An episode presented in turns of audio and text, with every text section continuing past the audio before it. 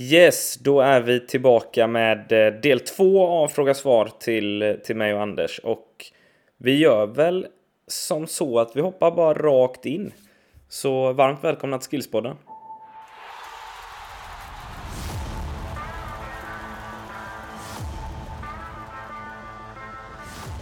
Ja, ja. Vidare, eh, tycker jag. Mm. Eh, när vi ändå är inne på träningsdelen då. Vi har, vi har ju fått väldigt många träningsfrågor egentligen. Men eh, tillslag, tillslagsbegränsningar i övningar, ja eller nej? Motivera gärna.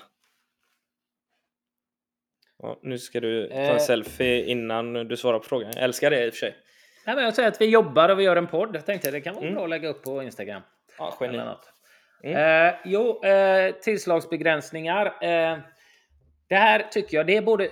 Det här är ju någonting som man lär sig av hela tiden att vi har eh, både tillslagsbegränsningar men också ytan.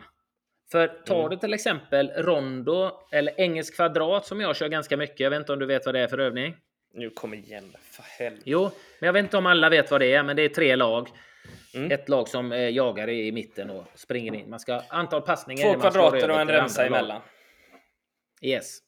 Mm. Eh, och jag vill ju att i början när man gör övningar så är det bra om de lyckas så mycket som möjligt. Tar du en rondo till exempel 7 mot 3 och de i mitten, de tre bryter hela tiden. Du får inte ens ihop 4-5 passningar.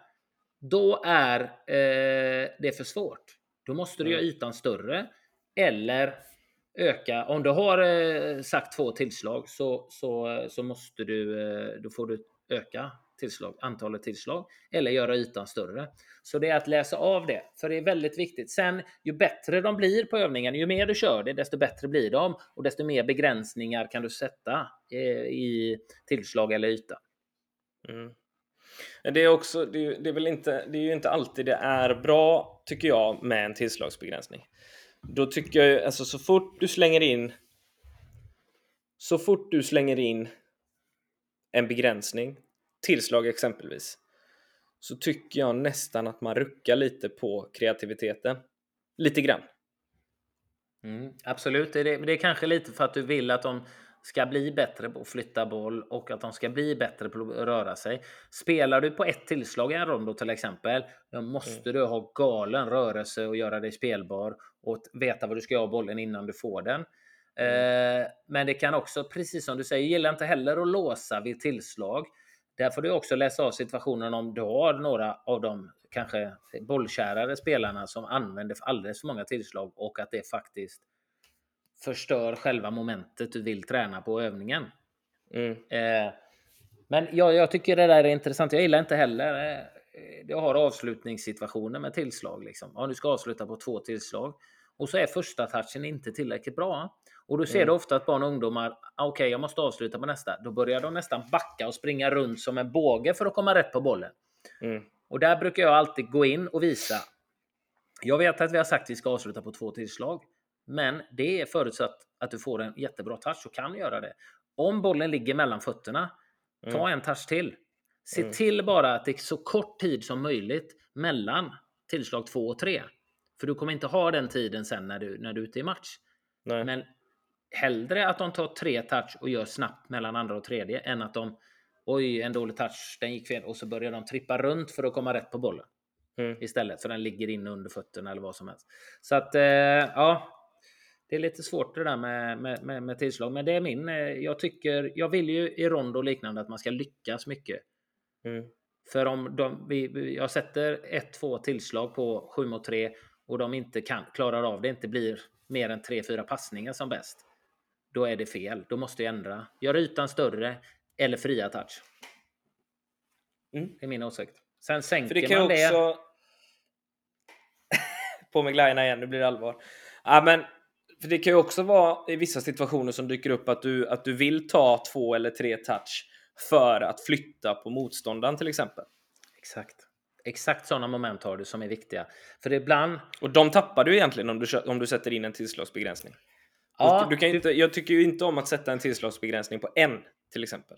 Nej, det, det, det finns, äh, finns en hel del i det du säger att jag vill ju ibland att men du slår inte iväg, passa inte bollen om inte du har någon motståndare. Locka fram motståndaren eller utmana motståndaren så att den lämnar en annan spelare innan du spelar, för då kommer din medspelare ha mer tid.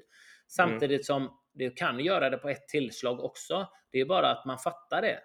Att de, okej, okay, ett tillslag, att han kan inte ta touchen själv, men du kan komma väldigt nära. Okej, okay, vi håller bollen här du och jag tills någon kommer och sen flyttar mm. man ut. Men jag, jag, jag, håller med vad, jag håller med vad du säger, för jag, jag vill inte heller låsa kreativiteten för mycket. Nej, det, det blir lite av ett diplomatiskt svar för att jag, det finns ju saker du tränar på genom att begränsa en spelare till en touch, att spela på en touch. Du, ja. bygger, du bygger upp rörelse, du bygger också även spelförståelse att du måste vara på en viss plats för att du tror att passningen kommer komma dit eller Eh, för att göra det enkelt för din medspelare och så vidare. Men, men mm. hellre begränsa det till två eller tre då. Eh, mm. Tycker jag. Men eh, yes. what the fuck do I know? Yes! Eh, hoppas, du, hoppas du är hyfsat nöjd med det svaret i alla fall. Det är alltid intressant att snacka tillslagsbegränsning tycker jag. Eh, fler tips Anders. Eh, och det här är ju en, en, en, inte en het potatis kanske, men potentiellt kan bli. Du är väldigt mycket inne på rondoövningar och vi, mm. vi har ju sagt att vi ska ordna lite video på rondoövningar. Vi fixar det. Uh, det får ligga på mig. Men den här personen vill ha lite tips på rondoövningar. Jobbar ni även med att passa till rätt fot och så vidare? Eh, vi är inte, vi är inte slakta med vad jobba med att spela till rätt fot. Det gör, det gör vi hela tiden. Så att, eh, I alla övningar? Ja, men det, det handlar ju om, det är återigen det jag säger, som du tränar mycket i rondo och i smålagsspel. Vil, mm. hur, vad ska din medspelare göra i nästa aktion? Det avgör ju hur du spelar, till vilken fot du spelar, hur hårt du spelar. Är du med? Mm.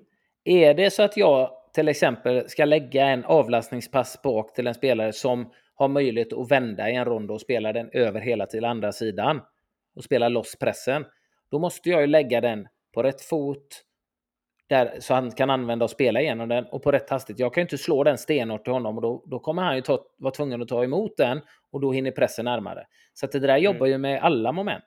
Är mm. jag felvänd, har ryggen mot mål och jag har en spelare i ryggen och så kommer en rättvänd mittfältare eller bakifrån och han ska, jag, jag ska lägga den till honom och han ska skjuta på ett tillslag i mål. Då kan jag inte heller slå den hårt. Jag måste slå den på rätt fot och med rätt hårdhet. Så mm. det jobbar jag med precis hela tiden i alla de här momenten. Att tänka, vad ska min medspelare göra? Det avgör jag. Avgör ju hur jag, hårt jag slår passningen, på vilken fot jag slår passningen. Så att mm. är alla moment egentligen där jag jobbar med att passa till rätt fot och så vidare hela tiden. Alla övningar. Mm. Mm. Och rondoövningar känns det som att vi har eh, jobbat med. Det finns ju massa olika eh, varianter eh, av, av, av rondoövningar. Så att, eh, men jag, en som jag för, gillar är ju den här när du får en möjlighet att vända på spelet lite mer. Och det är att använda en kvadrat. Och för, för kidsen som jag tränar nu har det varit en hyfsat lagom storlek att du kan använda straff. Om du tar straffområdet, går från straffområdeshörnet ut till, ut till sidlinjen, drar en mm. linje där, så behöver du inte göra så många linjer. Mm. Utan då har du en rektangel där nere som du kan jobba med 6 mot 3. Vill du ha 7 mot 3 eller det blir så att du behöver lite större yta? Ja, men gå från straffområdeshörnet och så upp mot mittlinjen några meter och sen ut. Då blir det lite mer koner att lägga, men eh, det viktiga är att få rätt yta.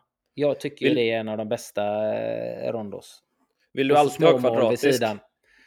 Rektangulär menar jag. Så så mm. tydligt. Otydlig. Eller ja, rektangulär. Tänker... Vill, du alltid ha, vill du alltid ha en, en rektangulär? Eller eh, finns det eh, andra liksom? Jag tycker det är bra. Jag tycker det i dagsläget är jag väldigt, väldigt förtjust i den övningen och gör den väldigt mycket. Eh, mm. Det finns ju andra övningar du kan göra. Du kan göra två kvadrater. Du kan göra att det är fem i varje och så kommer två in. De ska vinna bollen och spela över till sin egna kvadrat där sina tre medspelare eh, jagar. Där har du en annan. Mm. Eh, där, där du jobbar då med riktning att du ska vinna bollen och spela tillbaka den till din planhalva, man säger så. Mm. Finns ju också. Eh, men... Caroline Sjöblom som var inne lite på rondo romb. Ja.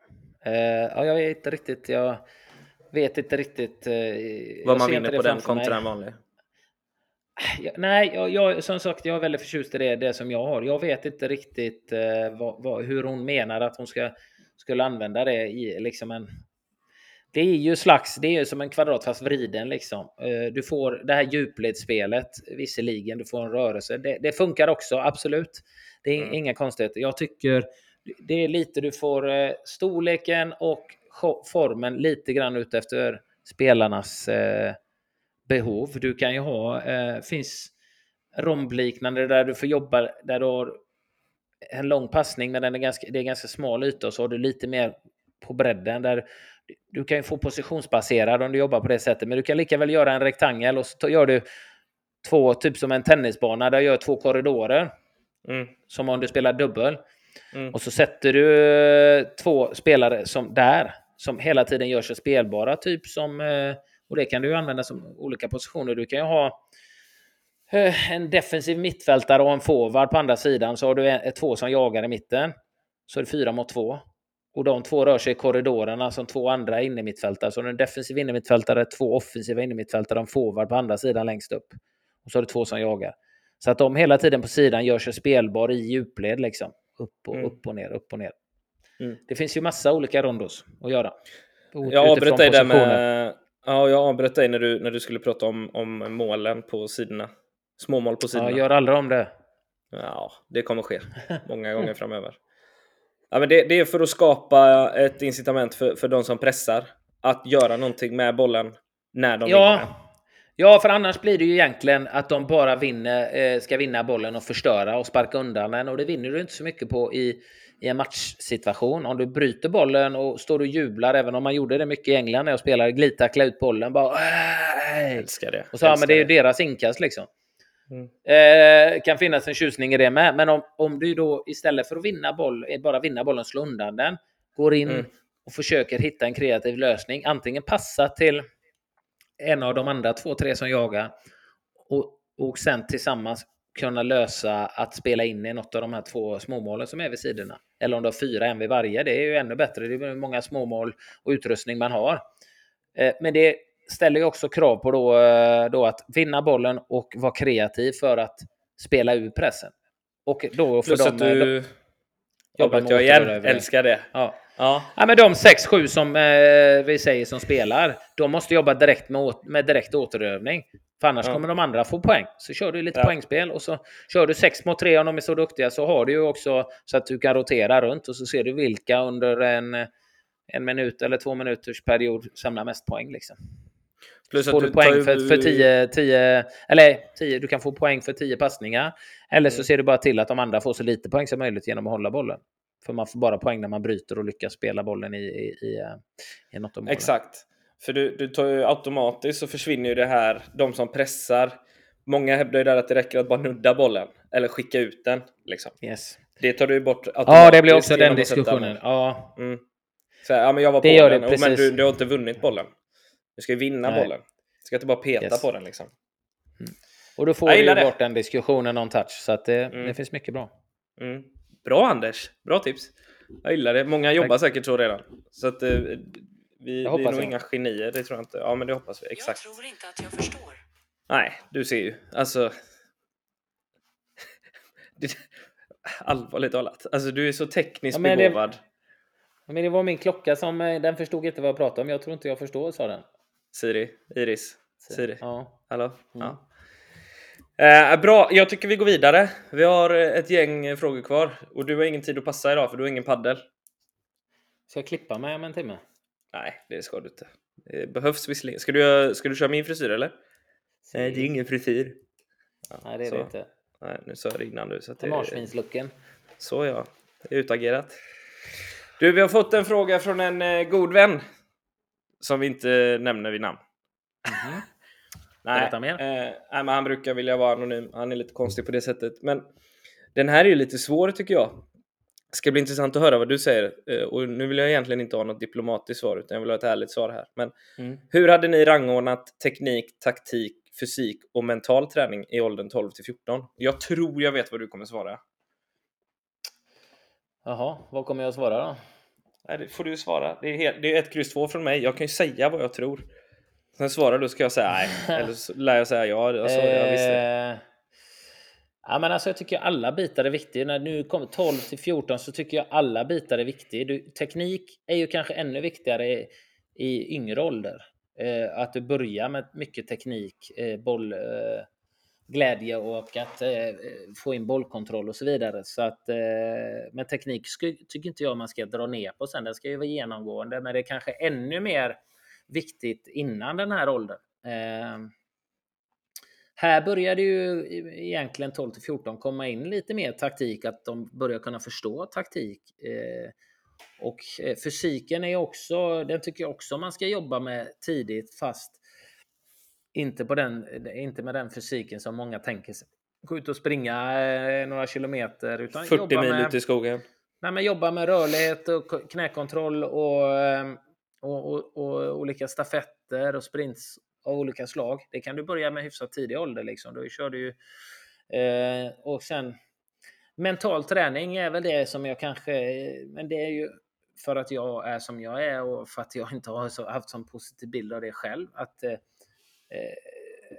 inte, inte kommer att ha så stort fokus på, även om jag tycker eh, det är väldigt individuellt och i den här åldern kan det vara väldigt mycket tankar och känslor och då är det viktigt att, att och få med det också. Så att eh, mm. jag tror det är ganska viktigt i, i den här åldern att börja börja implementera mental träning och prata, prata med barnen och lyssna på barnen. Ungdomarna. Tror du att det skulle du ranka det högre nu för att det känns som att det är väldigt eftersatt med tanke på vårt avsnitt med, med Rahab som hävdar att jo. det är just väldigt eftersatt? Jo, det tycker jag. Jag tycker att det är bra om vi kan få in det i träningen. Det är bara frågan om hur vi får in det på, och, på, och att man gör det på rätt sätt så tycker mm. jag absolut det är viktigt att eh, och, och, och, få med det. I, I den här åldern som, som du nämner 12 till 14 så är det väl bra och eh, om man inte har gjort det innan och verkligen börja med det vid hyfsat regelbunden basis att, eh, att jobba med mental träning. Men alla Då... bitar är ju viktiga såklart. Mm. Jag tycker ju att teknik, taktik och fysik, liksom, det hör ihop. Det kan du jobba mycket med ute på planen. Teknik ska vi alltid jobba med. Men just med det här med taktik och, och få upp fysiken i en ålder när de börjar komma in i puberteten och, och, och kan börja träna lite mer fys är också bra. Kan du sätta 1 till 4 på de här då? Nej, det kan jag inte. Jag tycker att alla är viktiga så det är helt omöjligt. Är det en etta rakt igenom då? Ja, jag, tycker, jag tycker att alla är viktiga. Eh, som jag sa, teknik kanske är ännu viktigare. Att man eh, lägger mer fokus på i, i tidig ålder. Och taktik och fysik är väl någonting som först börjar komma in i mer 11-12 års åldern. Taktik och fysik kanske mer 13-14 där du där du jobbar med den fysiken som jag tror de flesta tänker på. Men jag gillar ju att mm. jobba med fysik, sprints i olika former och, och rörlighet och, och, knäkontroll och annat som jag sa. Eh, mm. Också i tidig ålder. Så jag, det är svårt att säga. Jag tycker alla de här delarna är viktiga, men det gäller att jobba med dem på olika sätt i olika åldrar.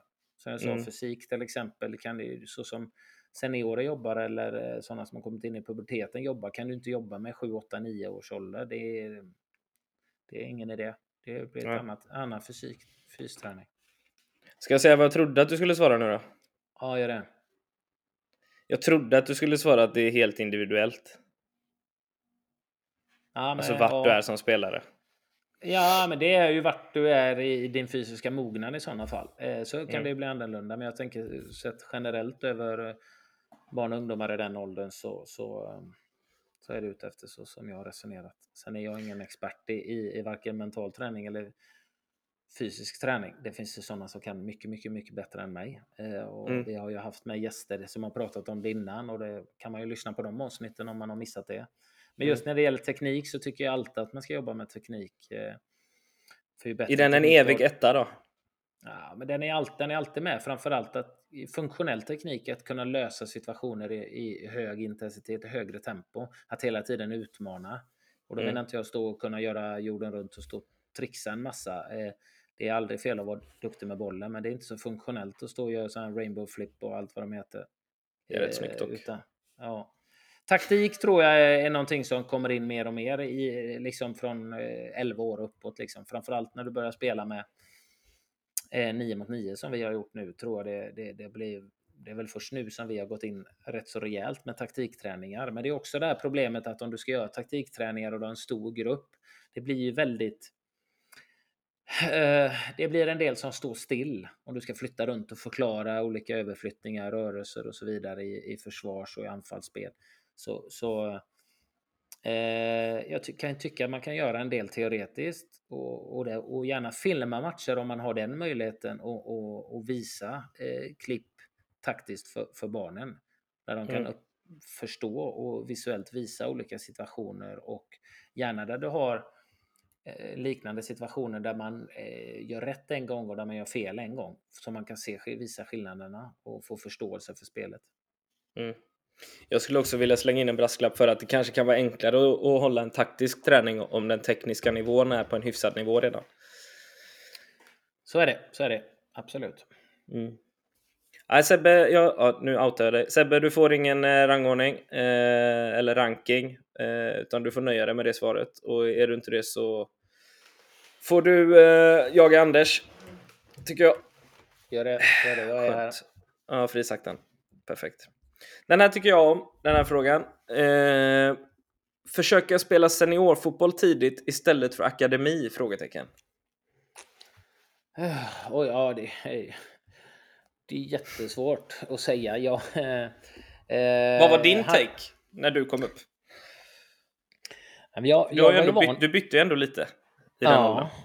Uh, ja, det gjorde jag. Jag spelade ju senior, någon seniormatch i Hästrafors där jag var, men på den, då, då, då, det var inte så roligt. Det var ju mer, på den tiden var det ju mer att de kom en back öl in i omklädningsrummet och spelade division 4 och 5 där. Och, och eh, det var mer sådana som har bott och spelat och bott i området och spelar fotboll fortfarande. Så de hade inte riktigt samma bild av fotboll kanske som jag hade. Eh, så det, så att jag tyckte det väl, var väl roligare att spela med junior, juniorerna eller pojk, pojklaget. Då. Eh, sen så eh, något år efter det så stack, eh, flyttade jag ju till en akademi då, om man säger Älvsborg som 16-17-åring. Så att, eh, så Vad är positivt också... med att spela seniorfotboll tidigt då? Ja, men det är klart, det blir, det är, fysiskt är det ju det är fullvuxna män som, som, eller kvinnor som spelar och det blir en, de har en helt annan fysik.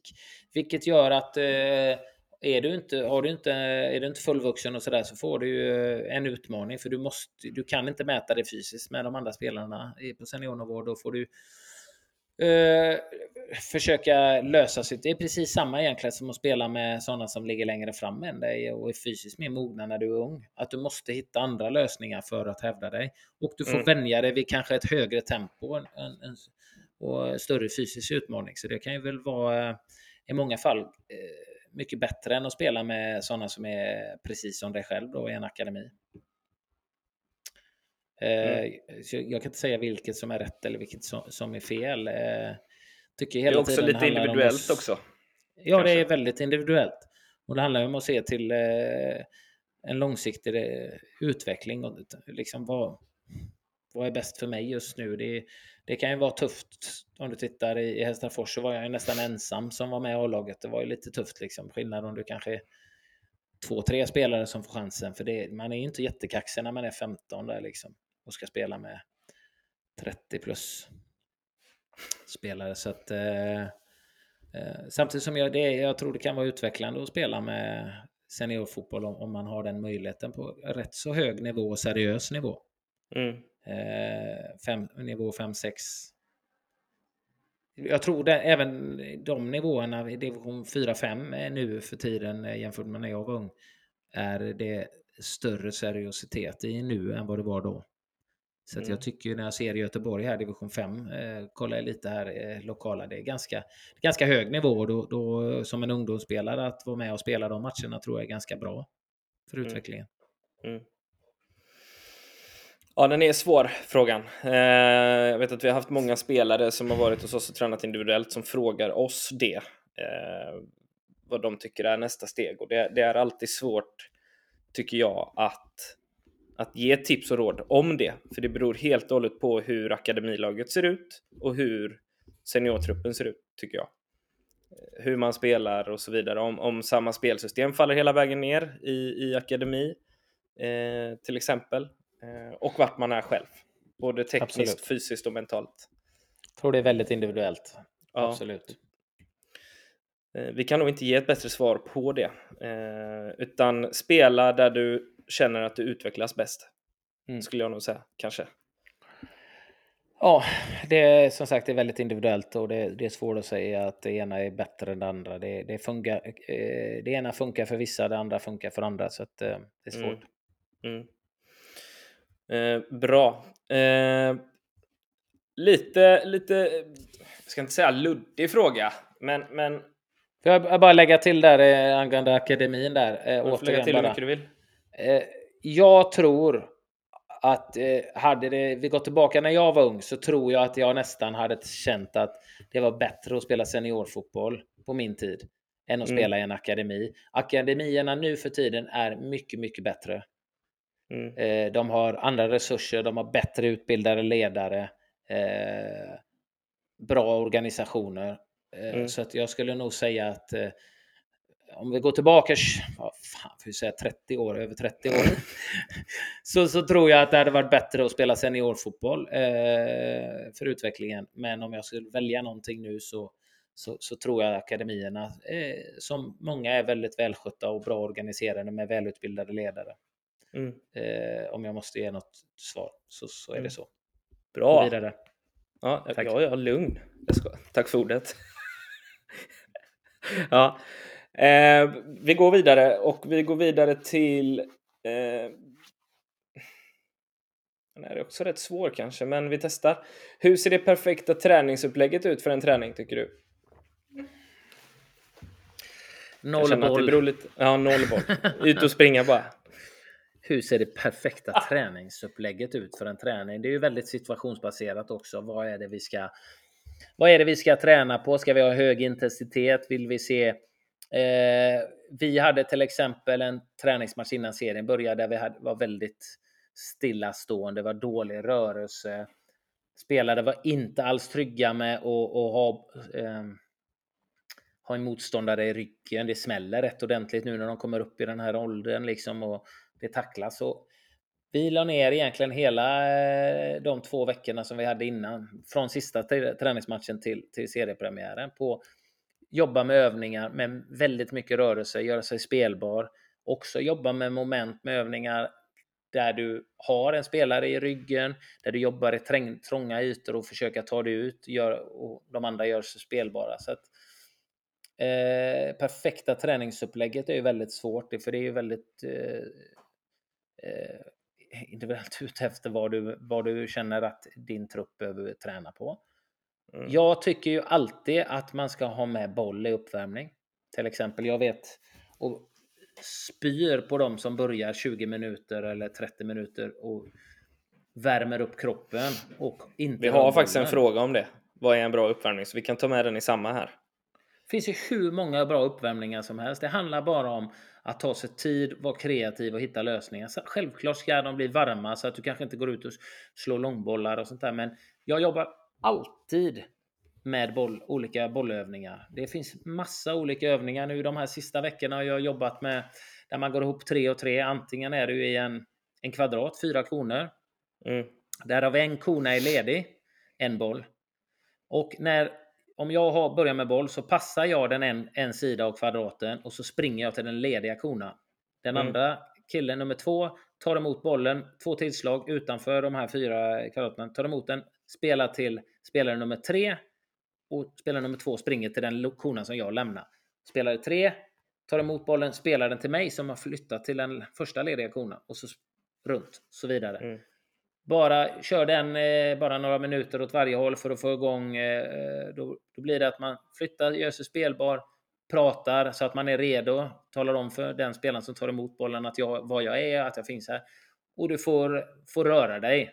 Du blir rätt varm bara några minuter på den. Sen har jag gått över till trianglar, eh, tre, tre koner. Tre spelare där du jobbar runt din rektangel, eh, din kona.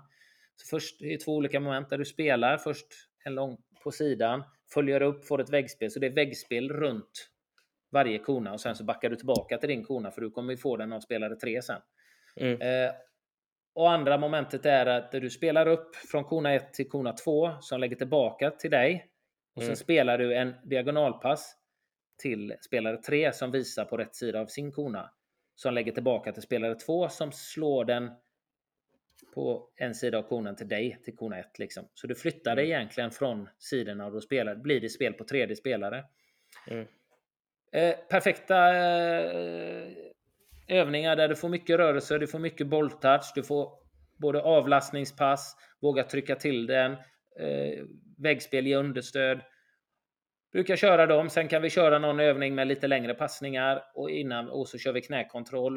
Eh, och kanske lite sprint så småningom. Och, men alltid olika passningsövningar med, där man inte, inte någon blir stillastående någon längre period så att man håller, så man håller igång. Det gäller att hitta olika övningar där det inte får köbildning då, för det handlar ju om att bli varm. Mm. Så det är också att eh, hitta rätt antal i varje, vid varje station och eh, kan man köra två bollar samtidigt och så vidare. Men jag bygger ofta mina uppvärmningar på enklare passningsövningar för att komma igång för att sedan öka svårighetsgraden, hårdheten i passningarna och löpningarna och så vidare.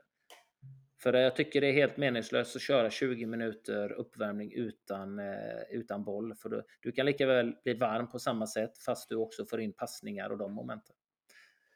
Så att... Eh... Väldigt få sekunder utan boll då? Väldigt, väldigt få sekunder. sekunder. Ja, alltid mycket, mycket boll.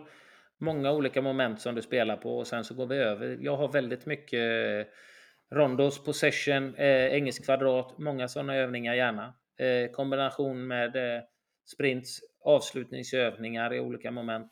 Eh, eh, försöker i möjlighet lägga in eh, taktisk träning också, jobba i formationer, men det är svårt. Vi är ju rätt många spelare på en liten yta. Jag tror många har det problemet runt om i Sverige.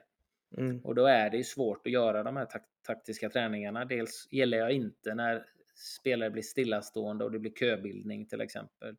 Så att det beror på hur många tränare vi är, vilken yta vi har. Eh, om vi har möjlighet att eh, göra stationer där, där vi delar upp dem så att jag kanske jobbar taktiskt med en formation och så kör de andra någon annan eh, övning, om det är avslutningsövning eller passningsövning. Eller någonting. Och sen så roterar vi runt oss så att alla går igenom den här stationen.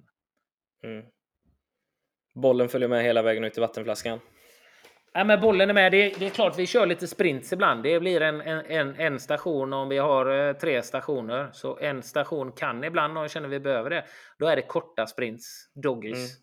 Där du egentligen springer aldrig längre än 10-15 meter innan du ändrar riktning. Liksom, på något mm. sätt. Mm. Så, ja, ganska snabbt över och så vilar du då. Har du tävlingsmoment eh, i träning? Absolut. Vad är favoriten då? Nej, hos dig och hos spelarna? Jag vet inte, många gillar ju engelska kvadraten, är ju populär. Och, eh, och där är det ju, då får du ju poäng när du lyckas få över bollen eh, till andra sidan. Eh, mm. Men jag har ju också gjort den här övningen som Wenger gjort. Jag vet, vi gjorde den med Hamren i, i, i landslaget. Med mm. hela truppen egentligen inne i straffområdet. Som, hela straffområdet som en stor rondo. Så, säg, mm. att vi är 15 spelare. Så är det fem, väljer du ut fem som jagar. Och så står jag utanför straffområdet och så är det tio som har i bollen. Och om de ska få ihop fem poäng så fort som möjligt, det jagande, de, den jagande femman. Man är tio mot fem. Du får en poäng om du sparkar ut den ur straffområdet.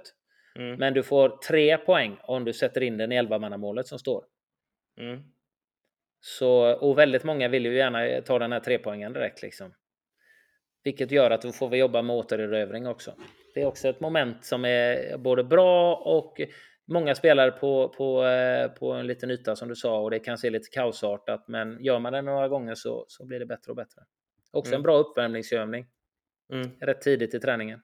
Nöta, nöta, nöta. Ja. Mm. Bra! Perfekt träningsupplägg tycker jag. Jag vill ha med lite fasta situationer också. Gärna frisparkar utanför halvmånen. Det hade varit gött. Men som jag. Nej, men mycket, mycket smålagsspel också, speciellt när jag vill ha en hög intensitet, 4 mot 4, 5 mot 5. Jag vill att många ska bli inblandade och ha mycket aktioner. Trelagsprincipen där får ju tävlingsmoment. Mm. Eh, det laget som släpper in ett mål får kliva av. De fem som kommer in snabbt in för att äh, hämta bollen och sen målvakt och så kör man så. Kan du ha tre lag så blir det väldigt intensivt och du får tävlingsmoment också. Mm. fattar. Mm. Eh, par grejer kvar. Mm. Tycker vi öser på. Yes. Du har några minuter i dig. Jag har det. Jag håller på att kissa ner mig, men skit i det. Mm. Ja, det... Dricker mycket kaffe och vatten här. Kör! Bra. Största skillnaden mellan Göteborg och Stockholm gällande fotbollen? Oj, bred eh, fråga. Ja, det är en väldigt bred fråga. Det, det är någonting som, som eh, jag har stört mig på då, en stor skillnad. Det vet du sedan innan. Det är ju just det här med nivåanpassning i serier. Inte finns i Göteborg förrän mm. det året de fyller 13, vilket jag som jobbar i en så kallad breddförening eh, har blivit ganska hårt drabbad av, vilket gjort att vi har tappat både spelare som ligger långt fram och spelare som ligger långt bak. Eh, mm. och jag, jag, jag tror, eh, jag är ganska säker på att de här så kallade dåliga eh, vuxna och ledare och föräldrar som man vill stoppa genom att göra det här med selektering. De, de, går un, de, de kommer undan det. Så det blir egentligen vi som jobbar ett hyfsat sunt tänk för, för alla. Vi blir på något sätt mer drabbade. Jag har nämnt det tidigare, jag tror att en ganska stor klubb i Göteborg hörde av sig till oss efter säsongen och frågade om vi hade spelare som ligger efter, långt efter utvecklingen. Och då mm. vi svarade ja, vi har flera stycken. Ja, vad bra, det har vi med. Och vi tänkte nu när serien är slut att de skulle få spela seriematcher eller spela mm. matcher. Mm. Jag bara, mm. jaha, fast våra spelare ju, har spelat i serien hela året. Jaha, de får spela matcher. Mm. Så alltså, de har de tre lag, men de har ett lag som det är väldigt, väldigt svaga spel. Då anmäler de ju två lag bara. Och sen så löser de matcher till dem eh, efter serie, seriens slut eller separat. Mm. Eller säger att de inte är redo för matcher. Så att Medan vi då eh, har fyra lag och blandar fyra helt jämna lag. Vilket har gjort att flera spelare blir frustrerade. För de får inte tillbaka passningar och så vidare. Och de spelarna som ligger läng längre bak i utvecklingen, de känner att de inte är delaktiga för de får inga passningar. De får inte vara med. Eh, de känner, sig inte, känner ingen glädje och delaktighet och vill hellre spela med sådana som är på deras nivå just nu. Mm. Och det får vi inte göra i Göteborg. Och det är för mig helt ofattbart. Då har man noll koll. Man vill säkert göra väl, men det, det funkar ju inte. Det, det, blir motsatt effekt, enligt mig. Mm. Mm. Tyvärr. Det är väl, sen vet jag inte om man tittar på akademier och så vidare annorlunda. Jag, jag, jag, jag är för dåligt insatt eh, i, i, i, hur man gör där. Jag vet inte hur det gäller rekrytering eh, i, eh, i eh, i Stockholm kontra Göteborg med unga spelare. Jag har ju bara dåliga erfarenheter från klubbar i Göteborg som ringt till våra föräldrar, sökt upp våra spelare och, och, vill värva i tidig, tidig ålder. Mm. Eh, och det, det, jag tycker inte... Jag, jag har full förståelse, man tittar på Häcken, Göteborg, Gais, eh, ÖIS, att det är stora klubbar. Mm. Och att spelare kommer att gå dit förr eller senare. Men om jag var ledare i dessa klubbar så hade jag velat ha en bra relation med, eh, med eh, breddföreningarna och hjälpa till att se nyttan där. Kanske jobba och komma ut och eh, vara hjälptränare bara för att skapa bra relationer med, med de här föreningarna. Och man gör ju sig själv ingen... Och så som Kalmar jobbar va? Ja, precis. Och man gör ju ingen, man, man gör sig inte själv en tjänst genom att och, och ringa till föräldrar, söka upp föräldrar till barn som har utmärkt sig på matcher när de har mött, eh, mött oss och, eller mött lag, breddföreningar och, och eh, drar in dem som 7, 8, 9-åringar liksom. Eh, mm.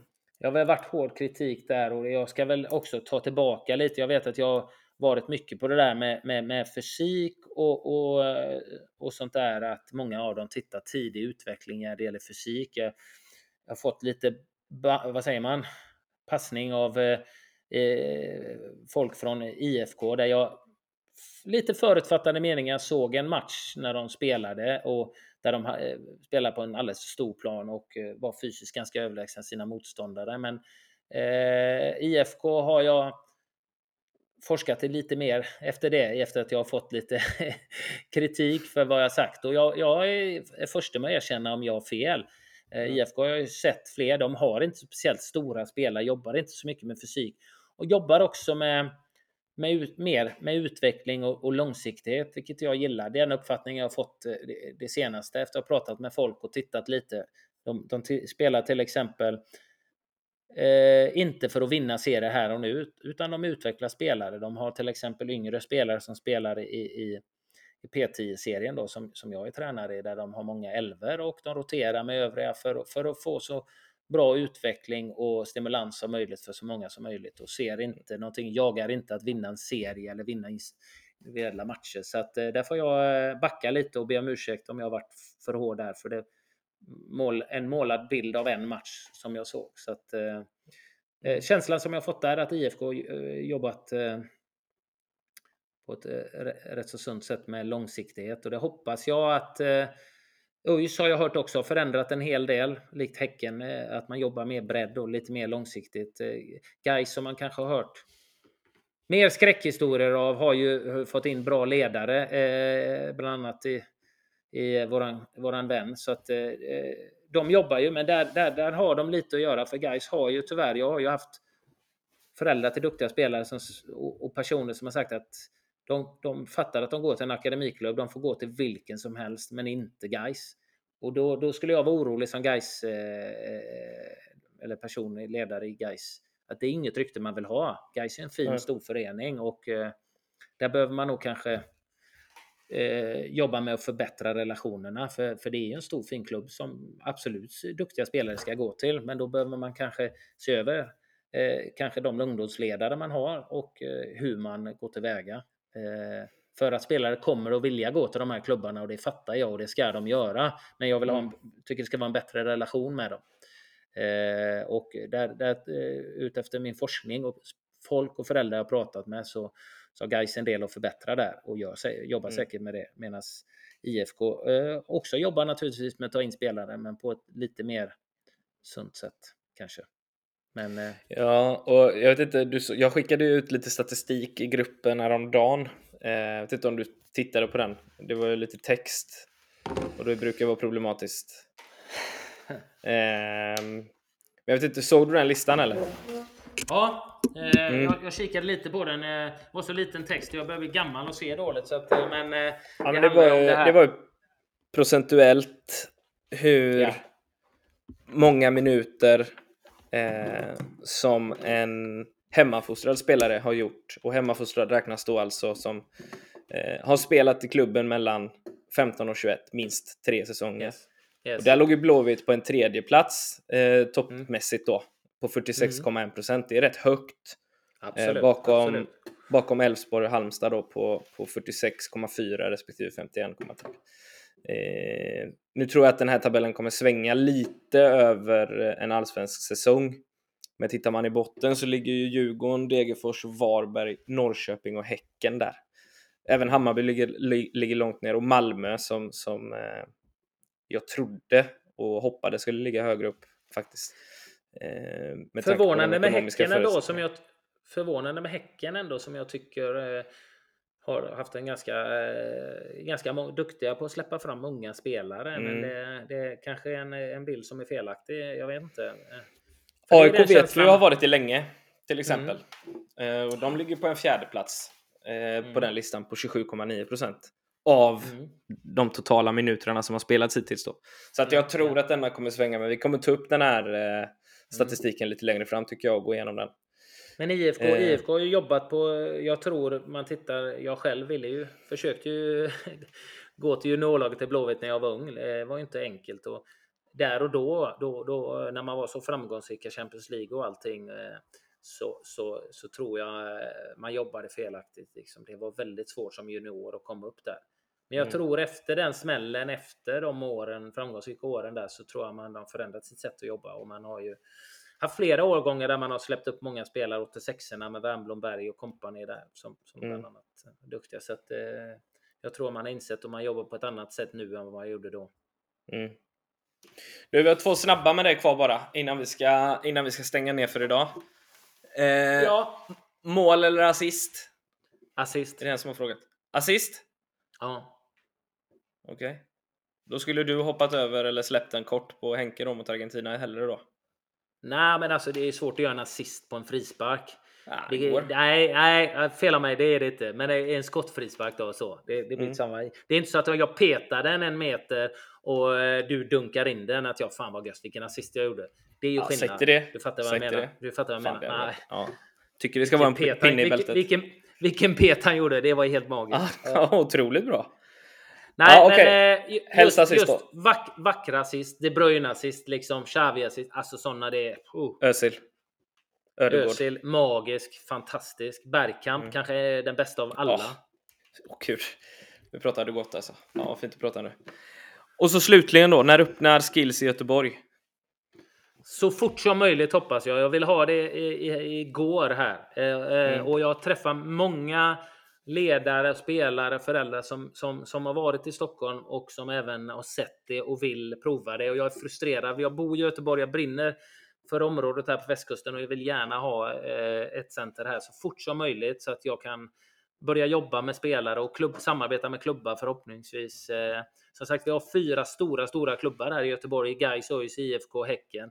Eh, och få hjälpa eh, de elitklubbarna att bli ännu mer framgångsrika och få upp alla alla klubbar egentligen. Allsvenskan igen. Eh, hade ju varit en dröm. Så att, eh, jag hoppas det att vi, eh, vi har ett innan året är slut.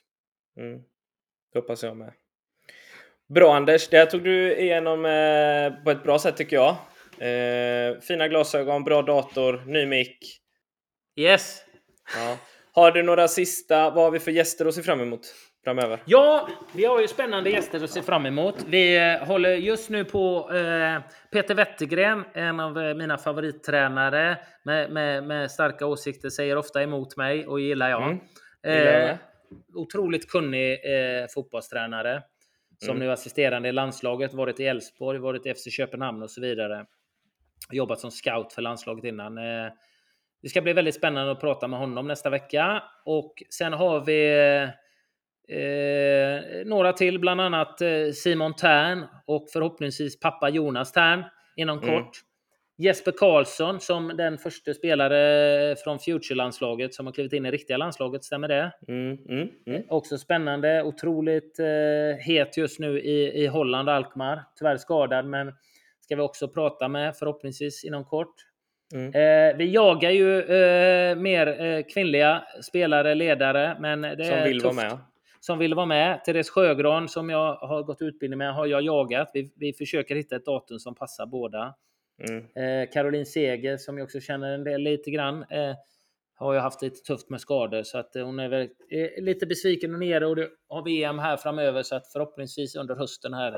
Eh, men vi jagar febrilt och har ni tips på någon person som ni gärna vill eh, att vi ska ha gäst och ställa, ställa frågor och prata med så får ni jättegärna eh, Maila Ja, det. kom- Enklast. maila det, till komma med förslag, helt enkelt. Enklast. Eller skriva perfekt. till oss. Jajamän. Skitbra Anders. Bra jobbat idag. detsamma. Eh, skönt att du inte behövde någon hjälp med dator och sådär. Men eh, du får, du får have